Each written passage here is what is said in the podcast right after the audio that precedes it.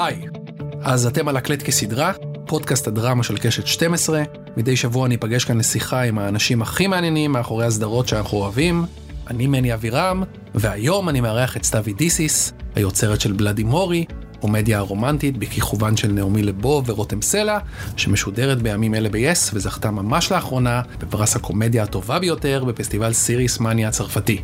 סתיו היא תסריטאית, מחזאית וגם שחקנית. ולפני שאנחנו מתחילים, ואני אומר היי לסתיו, אז גילוי נאות, בלאדי מורי היא סדרה שאנחנו הפקנו בקסטינה, ואני אוהב אותה מאוד וחושב שהיא חכמה, ומצחיקה וכובשת ואפילו חשובה, זהו היי סתיו.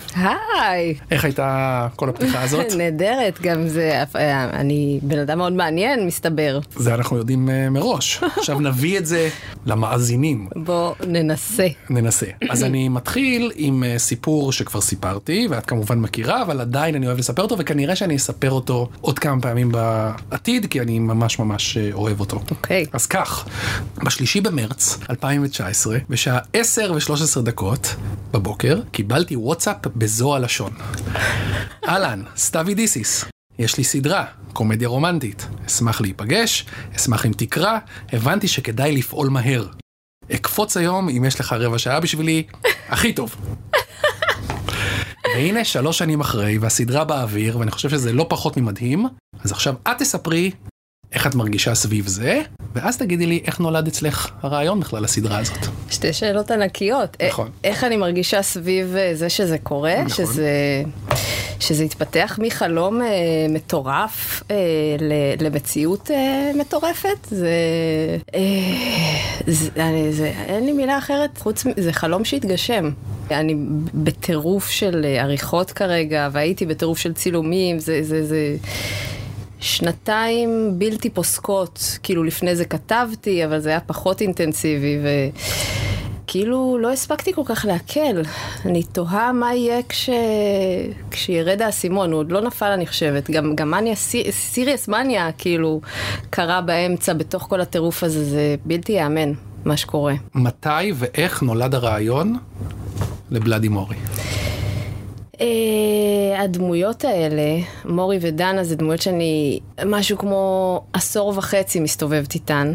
והסדרה עצמה, כי כן, כן יש לה מעטפת שנולדה באמת לפני איזה שלוש וחצי, ארבע שנים ככה, uh, נולדה מתוך צורך עמוק שלי לעשות כבר את הסדרה שלי, וישבתי... Uh, הייתי בקשר עם שי קפון באותה תקופה, ניסינו ליצור משהו ביחד, והוא הכריח אותי לשבת בבית ולחשוב, ולקחתי את שתי הדמויות האלה, ואיכשהו יצרתי איזה מעטפת ווואן ליינר שסיפרתי לו עליו, וזה הדליק אותו, והוא נתן לי את הרוח הגבית, את הפוש הזה, בעצם אה, ללכת על זה ולהתחיל אה, לנבור בזה ו... אז הנה דמות. אה, משמעותית ביצירה הזאת. כן, כן, לגמרי. ויש עוד דמות משמעותית. שהיא? בעצם כמה דמויות משמעותיות. מלא. יש מלא. המשפחה שלך, נכון. אבא שלך. אבא. ספרי קצת על אבא. אבא, אבא חיים אידיסיס, הוא תסריטאי משכמו ומעלה. הוא לימד אותי לכתוב, כאילו מגיל 20 ככה, אני כותבת כמעט כל סדרה שהוא ערך. הוא ערך אותי במלא סדרות, והוא לימד אותי לכתוב מאפס. למרות שלמדתי קולנוע ולמדתי תסריטאות, העומק של זה, זה, זה הוא. והוא כל, הוא גם ערך את הסדרה, הוא ערך את בלאדי מורי, וכל אה, מילה עברה אה, תחת אה, ידו. אבל תגידי, זה באמת סדרה שהיא גם עם רגעים נועזים, ובכלל מדברת על כל הנושא הזה של אה, רווקות מאוחרת, ויש גם סקס, ויש גם כל הדבר הזה. או. וכשאבא שלך כן. עורך את הסדרה הזאת, הוא בכלל מעורב, איך זה קורה הדבר הזה? תראה, זה... זה בהחלט רגעים מביכים לעיתים, או מביכים מאוד, שצלחנו די בבגרות, אני והוא. אני, אני לא אשקר, היו באמת אה, רגעים שאני זוכרת עצמי, אני כותבת סצנה, אני שולחת לו, וזו סצנה, אה, אני לא יודעת, אה, מותר לי לספר? לא, לא יודעת אם אנחנו, לא, מה, אולי אני לא אספר. לא, תספרי. אני לא אספר. אבל זה, זה סצנה הארדקור, ש, שמורי, הדמות הראשית, שהיא כאילו אני, עושה משהו. ואני שולחת לו את הסצנה, ובלי יותר מדי לחשוב, כי אנחנו כותבים עכשיו, ואני, ואני, וכתבתי סצנה יפה, ורציתי לדעת מה דעתו, אבל אחרי זה פתאום כאילו, יום שישי, אני, אני מגיעה אה, לבית הוריי, ואני פתאום אומרת לעצמי, כאילו הייתי צריכה, אני זוכרת את עצמי יושבת מולו ואומרת לו, אתה, אתה יודע שזה לא קרה, לא, לא, זה לא, דמיינתי את זה, לא עשיתי את זה. ואני מקווה ש... והוא... הוא... אני מקווה שהוא האמין. לא עשיתי את זה. בסדר? מאה אחוז. זה לא קרה, אבא. ברור. תגידי, ולמה קומדיה רומנטית בעצם? יכולת גם לעשות את זה דרמה כבדה, נוגעת ללב, על נושא שהוא ראוי לדרמה אה, נוגעת ללב. למה קומדיה רומנטית? זה חלק מה-one liner, זה הקונספט. מורי מרצה לקולנוע. היא מרצה, היא מתמחה בקומדיה הרומנטית. ובעצם אה, כל המעטפת של זה, זה קומדיה רומנטית מודעת לעצמה, שמדברת על הקומדיה הרומנטית. ועל חוקי הקומדיה הרומנטית, על חוקי הז'אנר, ובעצם מנפצת אותם אחד-אחד. וזה עניין אותי. אה, אז זה לא קומדיה רומנטית קלאסית. את חובבת אה, קומדיות רומנטיות? מאוד. אגב, היסטורית? אה, זהו, שהשלמתי מלא קומדיות רומנטיות בעקבות העיסוק, מרצה לקומדיות רומנטיות חייבת להיות מומחית גדולה, זה יצא לי גם להשלים הרבה מאוד, אבל כן, מסתבר שמה, יש סרטים ענקיים, ארי וסלי ונוטינגיל, זה סרטי מופת בעיניי. ברור. וזה, וזה ז'אנר מדהים, כשעושים אותו טוב וחכם, הוא יעבוד, והוא יפתיע. לא נעשו פה הרבה קומדיות רומנטיות, בארצות הברית נעשו הרבה סרטים ו- וסדרות. את יכולה לסמן אה, שוני או מה ההבדלים בין הקומדיה הרומנטית הישראלית לקומדיה הרומנטית האמריקאית? Hmm. וואו. אה, תראה, אם אנחנו מדברים על הוליווד, אז זה קלאסי וזה מתוקי וזה חמודי, מלבד, שוב, יש יציאות מדהימות, כמו שציינתי. אה, בארץ באמת לא נעשו הרבה, ולא בטוח שראיתי את מה שנעשה. נחמד. לא, יש, יש פה כמה ז'אנרים, בעצם היה את uh, אהבה זה כואב נכון, כמובן, ש... ומהצד השני היה את uh, להיות איתה, נכון. על ספקטרום כזה, שתיהן מצוינות כל אחת בסוגה. כן. אז זה מה שהיה פה, זה, זה העולמות שהיו פה, ועכשיו בלאדי מורי עם איזה טוויסט יותר אה, שחור נקרא לזה. כן, כן, אז אה, באמת קשה לי לקרוא לזה קומדיה רומנטית, כי זה לא באמת, וגם אני חייבת לומר שזה מתחיל אה, יותר כקומדיה, ועם הפרקים זה מתקדם והולך להיות יותר דרמה, ויש שם ממש אה, סצנות אה, שהן לא קומדיה רומנטית. מה יותר חשוב לך באמת בתוך תהליך היצירה שכתבת? את ולאדי מורי, הקומדיה, הדרמה, איך את מאזנת? אני תמיד מונעת מהקומדיה, זאת אומרת, יש לי רעיון אפילו לבדיחה מפגרת. ואני אעשה הכל כדי לבנות את הכל כדי שזה יגיע לאותה סיטואציה שמתנפצת וזה מצחיק אותי וזה מפתיע אותי כמה הרבה דברים קורים מתוך זה שרציתי להגיע לראש ההר הזה, לראש ה... לבדיחה. דיברנו על גיבורות קודם והזכרת את מורי ובעצם מורי זו את כן. בהרבה מאוד מובנים. אז את כותבת את הדמות הזאת ועד כמה את מכניסה את עצמך או רואה את עצמך או... בקיצור, עד כמה באמת את מורי והחוויות שלה ומה שהיא עברה וההתלבטויות ועד כמה את מוריד בקיצור. קודם כל אני מאמינה שכל כותב אין מנוס. אה, אלא אם כן אתה כותב משהו מוזמן ואתה כזה נכנס לפרויקט של מישהו. אם אתה כותב את הפרויקט שלך אתה כנראה יודע על מה אתה מדבר גם אם אתה מנסה להסתתר מאחורי וזה. אמ, אז אי אפשר להתכחש לזה אף פעם. עכשיו, מורי, גם דנה אגב, שתיהם אני, זה, זה די מדויק, אי אפשר להגיד שאני רק מורי או רק דנה, אבל אה, מורי יותר, היא יותר אני. אה, שתיהן רווקות מאוחרות, אני רווקה מאוחרת. קיווינו נורא, איכשהו קיווינו שזה ישתנה, אמרנו כזה בתחילת התהליך לפני שלוש או ארבע שנים, אמרנו, טוב, עד אז את כבר בטח תהיי נשואה עם ילדים, זה לא קרה, אני קצת מאשימה את הסדרה אגב. מדוע? כי לא היה לי זמן, לא, לא, לא התעריתי. אה, זוהי לא... קריאה מפה. סתיו אידיסיס. אני ממש אשמח, ממש דחוף לי. זה יצטרך להיות, תשמע, הסדרה הזאת הייתה קצת fast food, אז אולי כאילו, כאילו fast food במובן שזה הלך נורא מהר, זה קרה כאילו בן לילה, ממש. אז אולי כאילו גם זוגיות וילדים, כאילו, זה, זה חייב לקרות. אני לא יודעת איך הגעתי לזה. תכף אנחנו נגיע לזה עוד זה קצת. כנראה ממש בוער בי. אה, מה הייתה השאלה? אה, מורי. כן, אז מורי. חוץ מזה שהיא רווקה מאוחרת, היא חיה נורא בסרט. מה הכוונה? היא מרצה לקולנוע והיא נורא מקשרת את החיים שלה לסיפורים שהיא מכירה וסיפורים שבתוך הראש שלה והיא פוגשת מישהו ו... והיא לא מחבבת אותו, אבל היא יודעת מתוך זה שהיא מרצה לקולנוע והיא מכירה את חוקי הז'אנר, היא יודעת שכשפוגשים מישהו שלא מחבבים, אז uh, זה דווקא עשוי להתפתח לקומדיה רומנטית נפלאה, כאילו זה חייב, ככה מתחילה קומדיה רומנטית. אם את פוגשת מישהו ואת ישר מתאהבת בו, זה משעמם, זה כאילו דרמה, זה... אז גם אני קצת ככה. באמת? אני, כן. אני לא נראית, נכון? לא, לא נראית. אני נראית שקולה והגיונית. אני מפגרת. לא, לא, את לא נראית, את לא נראית שקולה והגיונית, אני רק אה, אומר, אבל האם היו אירועים באמת שפגשת מישהו ואז פחות היה לך בא עליו או משהו שם לא הסתדר ואמרת דווקא וואלה אולי יש פה משהו מעניין כי זה נגד, מיליון זה נגד האינסטינקט האנושי. פעם, מיליון פעם. ואיך זה עבד לך עד היום? רע מאוד. ממש ממש רע. אולי, אה, אולי אני צריכה להיסגר. אולי בדק יותר, אה, בית, אולי בדק בית. בדק בית. אבל תגידי, מורי היא לא דמות סטנדרטית. נכון. בטח לא של קומדיה רומנטית ובטח לא... לוקח זמן להתאהב בה נכון. ולאהוב אותה כי יש בה איזה משהו אני לא רוצה לפגוע באף אחד לא בך ולא בנעמי איזה משהו נס, נסטי קצת כן. גם מול העולם גם מול דנה לכתוב דמות כזאת זה לא הסטנדרט. נכון, עם זאת, אני לא המצאתי את ה... אה, אתה יודע, היום פחות כותבים דמויות אה, נורא נחמדות ושעושות את הדבר הנכון, דווקא להפך, היום, אה, וזה התחיל בסופרנוס, אולי זה לא התחיל שם, אבל כאילו, זה דמות של מאפיונר, ואני זוכרת עצמי מפנטזת עליו מרוב שהתאהבתי בו, כי הוא היה כזה מדהים, והוא עושה דברים נוראים. אז אני מאמינה גדולה בה, זה הרבה יותר מעניין, וזה גם הרבה יותר אנושי. כי אנחנו, יש, גם אם אנחנו בסוף נעשה את הדבר הנכון, או בסוף נגיד סליחה, אנחנו, בראש שלנו יש מחשבות נוראיות, ואנחנו מקנאים, וקשה לנו לראות חבר, כשאנחנו בנקודת שפל, מאוד קשה לראות חבר אה, לא בנקודת שפל. ואנשים- לא כולם מודים בזה כלפי נכון. חוץ ובטח גם לא כלפי עצמם אבל אפילו, אפילו מדי פעם האורחים, שאנחנו עורכים עכשיו את הסדרה, אומרים לי, מה זה, איך היא עושה דבר? כאילו, ואני אומרת להם, מה, אבל מה, אבל אף פעם לא חשבת, כאילו, מה? ואתה יודע מה, בשלב הכתיבה כל הזמן אמרו לי, צריך לאהוב אותה. ואני אמרתי, בסדר. יאהבו אותה, סבלנות. ואני חושבת שבאיזשהו באיזשהו פרק זה כן, אתה פתאום מבין, אתה פתאום מבין את מורי.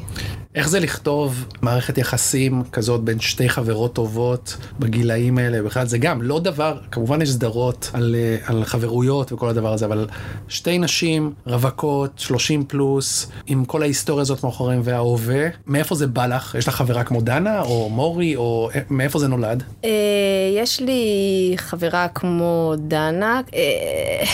דנה, דנה ומורי שתיהן רווקות. יש לי חברה שהיא כבר לא רווקה מזמן, והיא...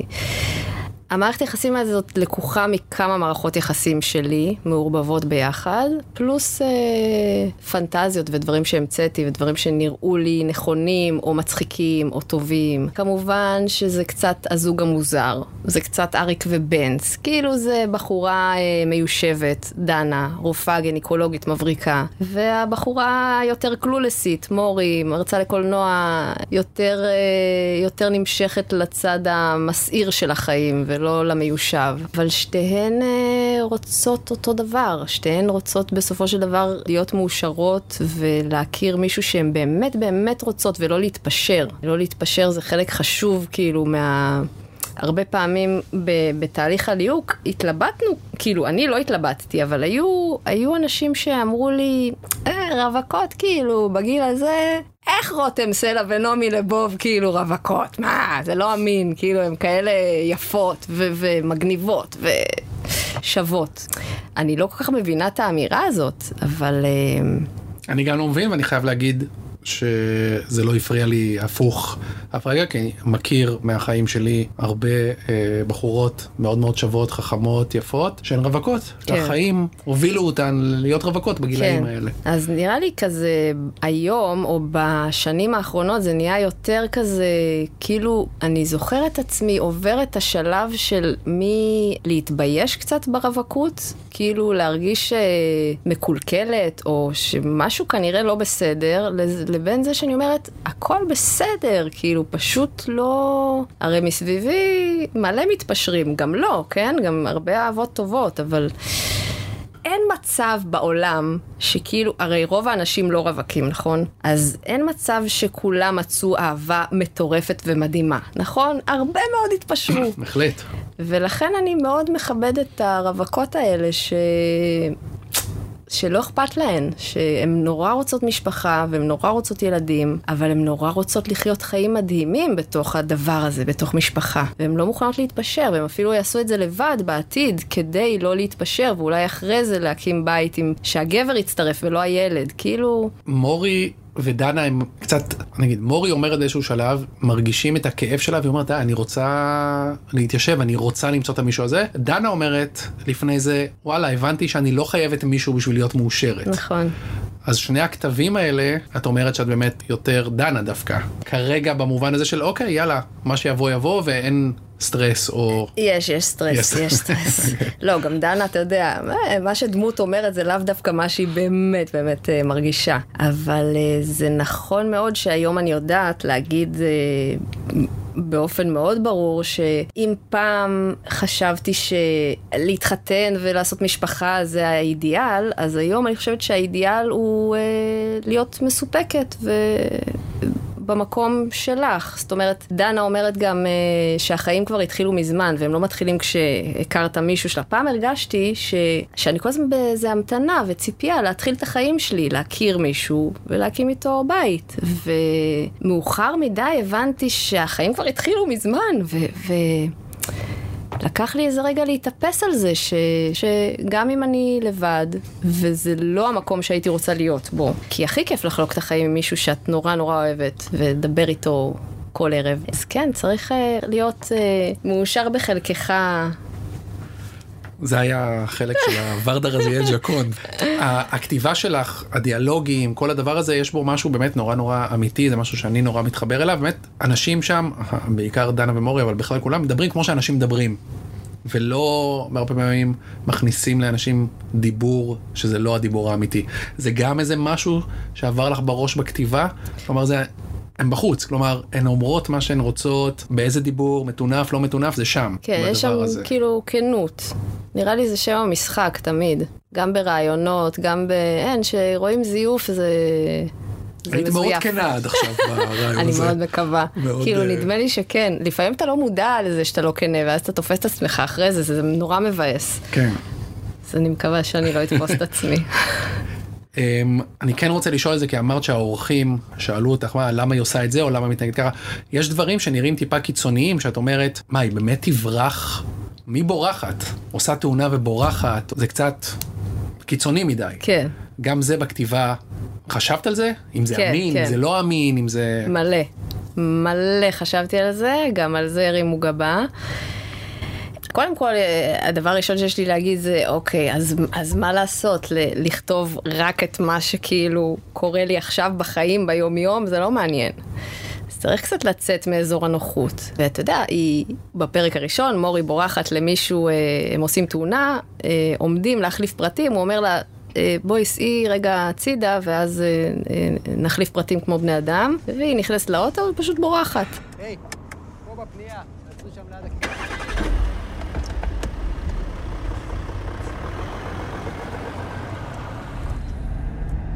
תעצרי, תעצרי כאן. תעצרי פה. היי, היי, היי, היי,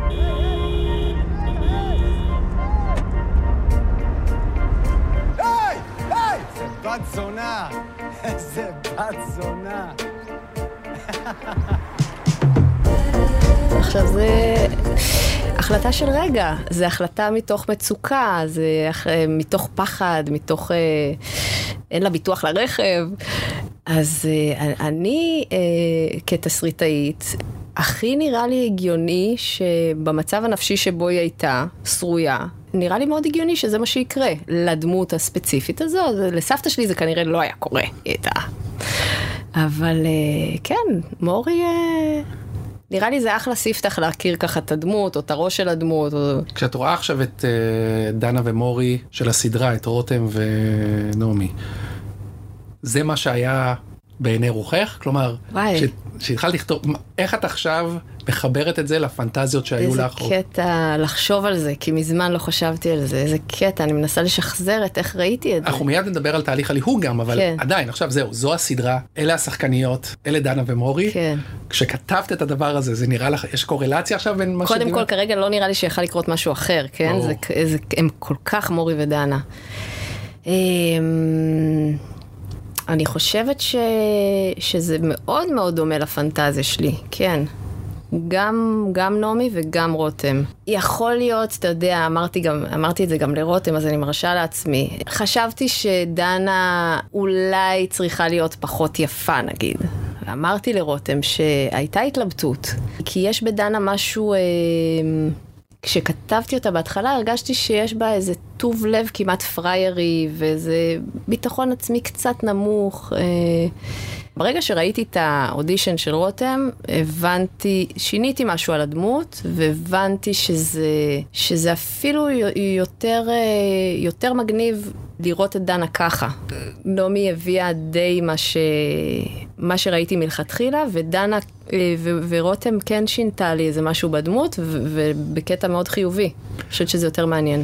את יוצרת את הסדרה הזאת, ואז מתחיל בעצם תהליך הליהוק, ויש מלהקת, מתחילים לזרום אודישנים, מצולמים בהתחלה, ואני יודע איך אני הרגשתי, איך? אבל מבחינתי התהליך הזה הוא, הוא מדהים, הוא מרגש, הוא מרתק, כן. הוא, הוא... זה מדהים לראות את ה... שוב, אני לא כתבתי את הטקסטים האלה, אז בשבילך זה פי אלף מרגש, אבל לראות אנשים אומרים את הטקסטים שלי, מיטב השחקניות בישראל. לגמרי. מיטב השחקניות, שהיו יכולות גם לעשות את התפקיד הזה מצוין. לגמרי. בצורה אחרת, רוצות את התפקידים האלה. זה תפקידים מאוד מאוד מבוקשים, מאוד מגניבים. שוב, לא הרבה כותבות, כותבים תפקידים לבנות 30 פלוס, נכון. רווקות, שאפשר להגיד משהו דרך הדמויות האלה. ואת היוצרת של הדבר הזה, והן מסתכלות עלייך ומחכות למוצא פיך, הן יודעות שיש לך חלק מאוד מאוד משמעותי בהחלטה. איך זה להיות בפוזיציה הזאת? אני לא כל כך הרגשתי את זה בזמן אמת, כאילו אולי, אולי מאוחר יותר, בחלק האחרון של התהליך, אני נורא, זה הכל היה מין איזה גל ששטף אותי, זה הכל, זה לא הפסיק, אני סיימתי לכתוב ומיד אה, הכל, כל התהליך היה נורא מהיר, וכאילו... כמעט לא הספקתי ליהנות מהתחושות האלה שאתה מתאר, שעכשיו אני, אתה- זה נשמע נפלא, כאילו, ולא חוויתי את זה.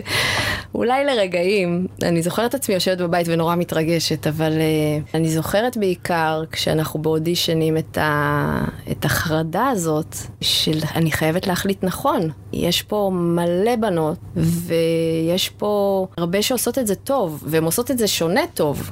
ואולי מה שראיתי בהתחלה הוא לא בדיוק נכון, וזה הרבה יותר נכון, ויש כיוונים שונים, ואני, ואני צריכה גם לחבר שתי בנות ביחד, שיראה גם טוב, ושהם יראו החברות הכי טובות מכיתה ג'.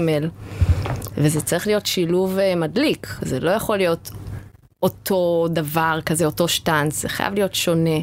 אך מחובר, ואז אז, אה, למרבה אכזבתך, אה, התהליך היה מלווה בהרבה חרדה, אה, פחות כיף. למרבה אכזבתי שם? אז? בזמן לא, אמת או לא, כרגע? עכשיו, כרגע. אה, לשאלה, הבנתי. כאילו, בטח לא, אני לא ציפית מוכ- לזה ש... לא, לא.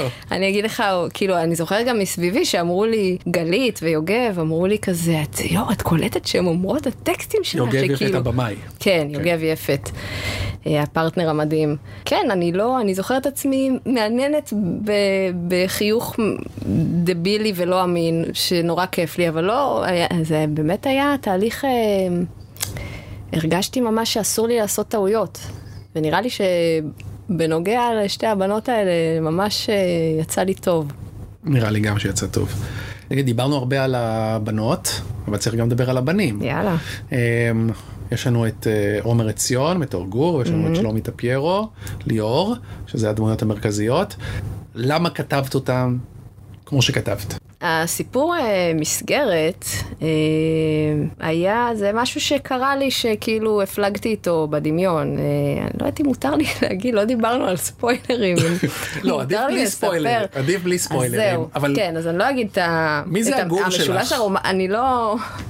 מי זה הגור שלי? אה, לא, זה לא כזה ספציפי, זה לא כזה... אני מודה שהתחלתי את כל הכתיבה, כל הזה, מתוך שיוורון לב מאוד גדול, חיכיתי שנגיע לרגע הזה, אנחנו כבר הרבה זמן מדברים.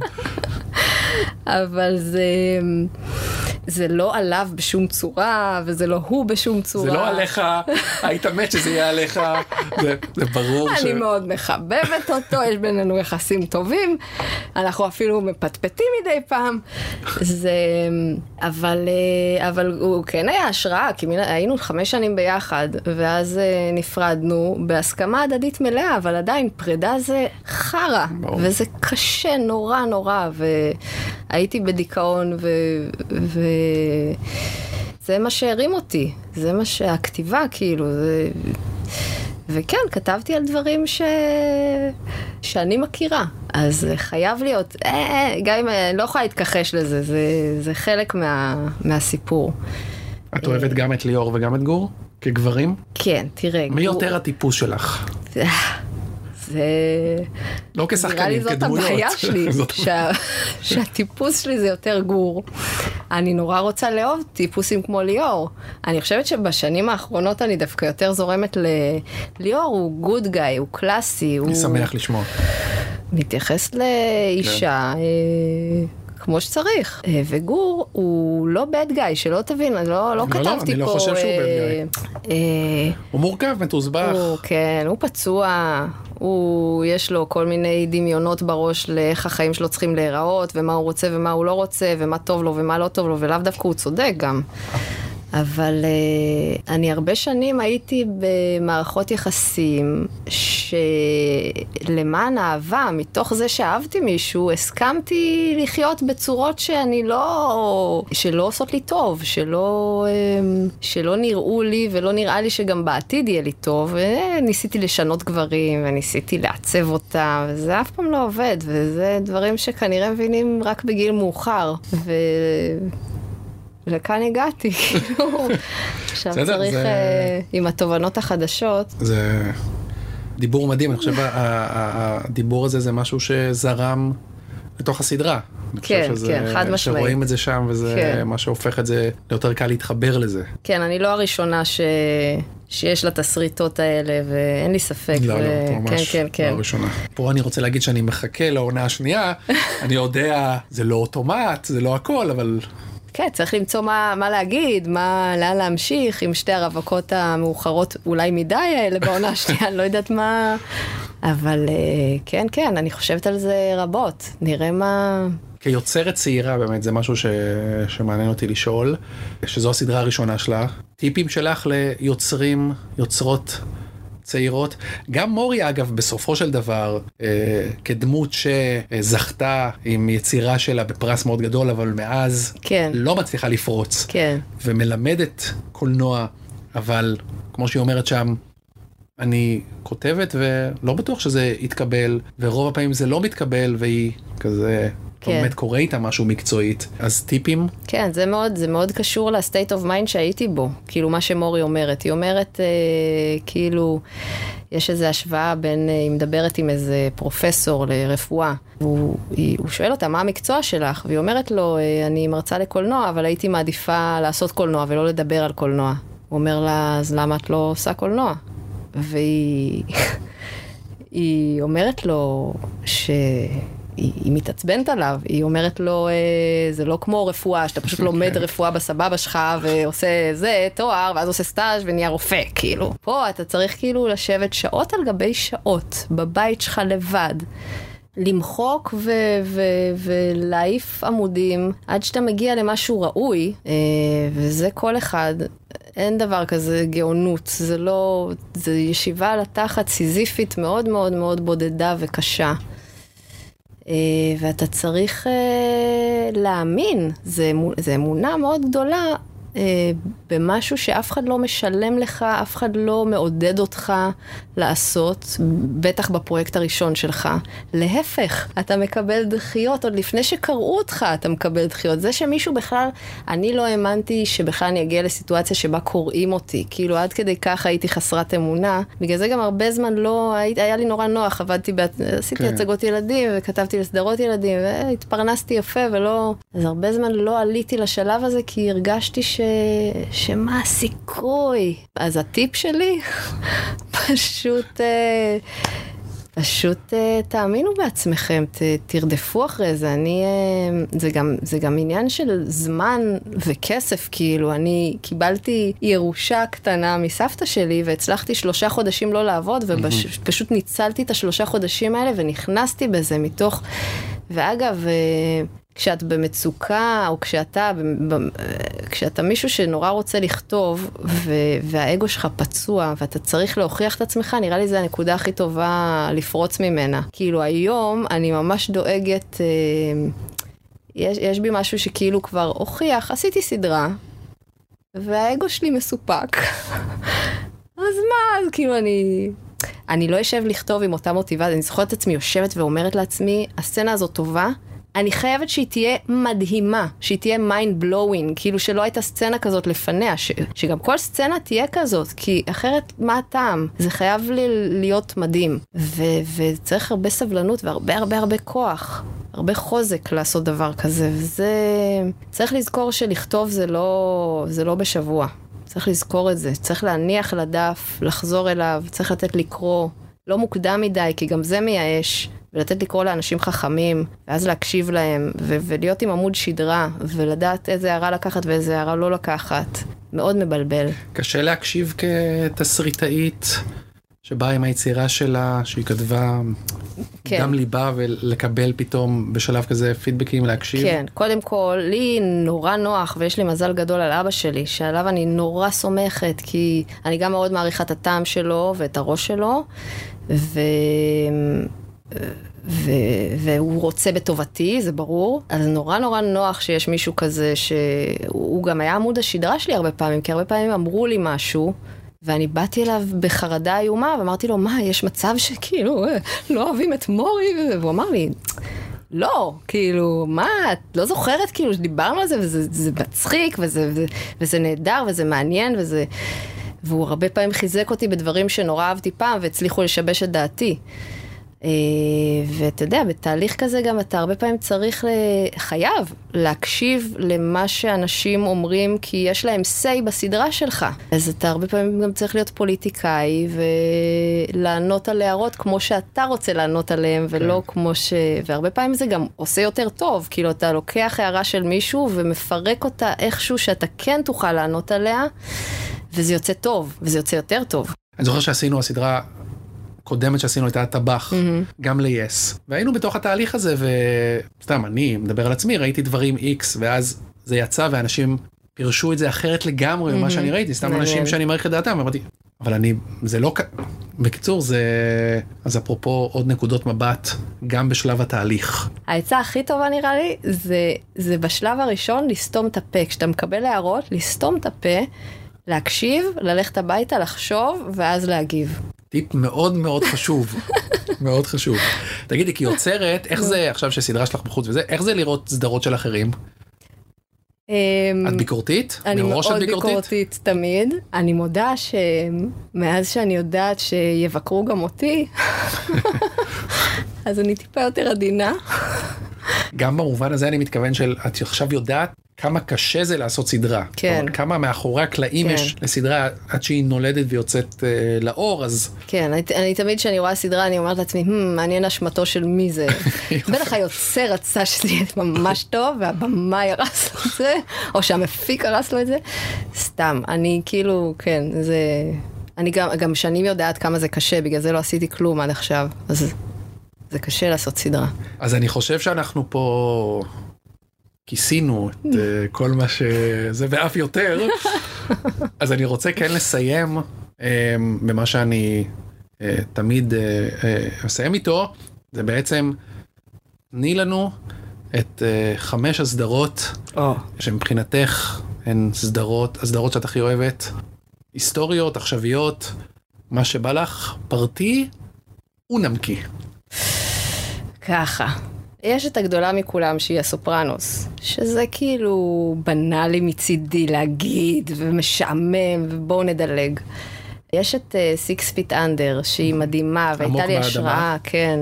כאילו... סדרה מדהימה. כבר, כן, ממש. שתיתי אותה פעמיים, והסוף שלה בכלל. אני כן. התחלתי בלימודי קולנוע, איכשהו אני אה, ראיתי אותה מאוחר, הרבה אחרי שהיא ירדה. בלימודי קולנוע אה, באיזה שיעור נתנו לנו לראות את הסצנה האחרונה, דיברו עליה. יש שם סצנה מרהיבה. אני זוכר. והתחלתי את זה משם, לראות את הסדרה הזאת. יש את אה, הכותבת והיוצרת והשחקנית פיבי וולר ברידג', כן. שהיא השראה מדהימה, והיא, הייתי רואה פרקים של אה, Fleabag, עונה שנייה אני חייבת לציין, כי עונה ראשונה ממש לא באותה רמה. כן, הייתה לנו פעם אה, שיחה על זה, ואני ניסיתי כמה פעמים ועוד לא צלחתי את העונה הראשונה, עוד לא עשיתי את ה... על, עוד לא על, על. תדלג. כן, כן. דלג, אני אספר לך בשני משפטים מה קרה, מה אתה צריך לדעת. עונה שנייה זה masterpiece, זה אלוהות של כתיבה. זה משודר באמזון. נכון. אני מתפלאה שלא חטפו את זה עד כה. כשהייתי נתקעת בכתיבה, הייתי יושבת מול פרקים או מול סצנות, וזה היה משתחרר לי. היא פשוט השראה גדולה וואו. מבחינתי, זה באמת, מי שלא, חייבים לראות את זה, עונה שנייה של פליבג. אה, היא הייתה לי השראה למורי בהרבה, כן, וואלה. כן, כן, כן. זה שלוש. אה, זה שלוש, אתה, אתה מקשה.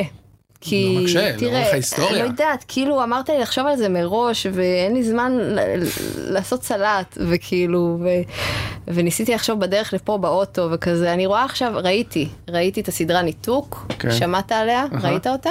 לא ראיתי אותה. שוב, ניסיתי לראות אותה. אה, נכון, נכון. סבלנות שלי היא בעייתית בימים אלה, אני בטוח, ברור לי שהיא מעולה. למה? מה קרה בימים אלה? לא יודע. אוקיי. אה, לא יודע. אוקיי. הם- ברור לי שהיא מעולה, לא הצלחתי לצלוח את הפרק הראשון, לא ויתרתי עליה. היא באפל אגב, אז מה, אני מבינה, הרעיון אגב. שעומד מאחוריה מעולה, אה, בעצם כן. הניתוק בין חיי העבודה שלך לח- לחיי הפנאי כן. שלך. זה מה כן. שמשך אותי מלכתחילה לראות, חוץ מזה שאמרו שהיא מדהימה. אני מסכימה איתך, לדעתי זה לא איזה גאונות מאסטרפיסית, אבל הפרק האחרון הביא אותי לחשוב, אני לא יודעת אם, מה אכפת לי לעשות לזה ספוילר, זה לא שלי. יש שם איזה, כאילו, יש שם איזה רעיון שאנשים, הרי הם מנותקים בין החיים הפרטיים שלהם לעבודה, ובעצם בעבודה הם אה, טבולה ראסה. הם האישיות שלהם מזוקקת, זה רק הם, בלי החינוך שהם קיבלו, בלי האנשים שהשפיעו עליהם. וזה זה היה, זה רעיון כל כך יפה לראות איך האדם המחונך, המושפע, עם האגו שעבר כבר מהגן את האגו ואת השריטות ואת הפצעים. מול הבן אדם המזוקק, שהוא בן אדם מבוגר, אבל הוא מזוקק, כי הוא לא עבר כלום בחיים, והאישיות שלו, ה-DNA שלו, זה כל מה שיש לו, אז לראות את, ה... את ההבדל הזה, קיצר, מי שלא ראה את זה עוד, שיראה את זה עם התובנה הזאת, וזה יעשה משהו, כי... כי זה באמת אחרי ש... לקח לי זמן לחשוב על מה שאמרתי עכשיו, ואחרי שחשבתי על זה אמרתי לעצמי, וואלה, זה כאילו, זה... ואתה יודע מה? ואכזב אותי, הפרק האחרון לא פתר לי את ה... זאת הייתה הבעיה המרכזית שלי. בסדר, זה היה נחמד, זה היה חביב ביותר הסדרה, אבל ציפיתי בסוף הפרק שיפתרו לי את החידה, ש... שיגידו לי מה... המלצה עם כוכבית. כן, כאילו היו צריכים לעשות, הם יצאו לעונה שנייה, אני מאוד מקווה שיש ליוצרים בראש מה בדיוק קרה שם, מה הקטע, כי אם אין להם את זה בראש, אז הם בבעיה מאוד מאוד גדולה. אבל בוא אמ, נראה. זה מה שהם אמרו על העונה שנייה של בלדימורי, אם אין לך את זה, בראש, כאילו, את אתה בבעיה. מבין? לא צריך למ... לא, אבל אני לא, הש- אוקיי. אני לא אוקיי. השארתי את זה עם כזה חוסר, עם כזה נכון. פער. אה, נכון. עוד. עוד אחת. וואו. וואו, מה כאילו... את יודעת מה? אני לא חידדתי נכון את הזה שלי. תני לי סדרה ישראלית אחת אה, בתוך כל. הקבוצה הזאת. אז טוב, יש לי כמה. אה, מהזמן האחרון חזרות, ברור. עפתי על זה מהדקה הראשונה, מהטריילר שראיתי. כאילו זה, זה, זה כמו לכתוב אותי כזה. זה היה, התחברתי לזה. נועה קולר וארז דריגס, אה, וואו. מיותר לציין את על הספקטרום. כאילו זה כזה, אה, כאילו, אה, מה, היא לא תגיד, אבל אה, זה יצירת מופת. אין ספק. אורי ואלה, יצירת מופת בעיניי. זהו, כבר נתתי לך מלא, מלא, יותר ממה מלא. שביקשת. הרבה יותר, מעבר לכל הציפיות שלי. טוב, זה נראה לי נקודה מעולה. כן, לסיים. נראה לי גם מאוחר. כן, מאוחר באמת. תודה רבה. תודה לך. חשבתי שאני מכיר הכל, אך גיליתי שלא. כן, גילית קצת? גיליתי, יופי. גיליתי קלט, ואני אוהב את מה שגיליתי. יופי. עכשיו, הצלחתך הצלחתנו, אבל זה באמת ככה. לגמרי. ואני מאוד uh, גאה בך ובסדרה. תודה. אז uh, זהו, לפודקאסט הזה קוראים מקלט כסדרה. זו הייתה סתיוי דיסיס, אני מני אבירם. תודה גם לבר כץ, העורך שלנו, ולנטע ספילמן המפיקה. אתם יכולים ומוזמנים למצוא אותנו במאקו, בספוטיפיי, באפל פודקאסט, בגוגל פודקאסט, איפה שאתם מקשיבים לפודקאסטים שלכם. וביי לבינתיים. ביי ביי.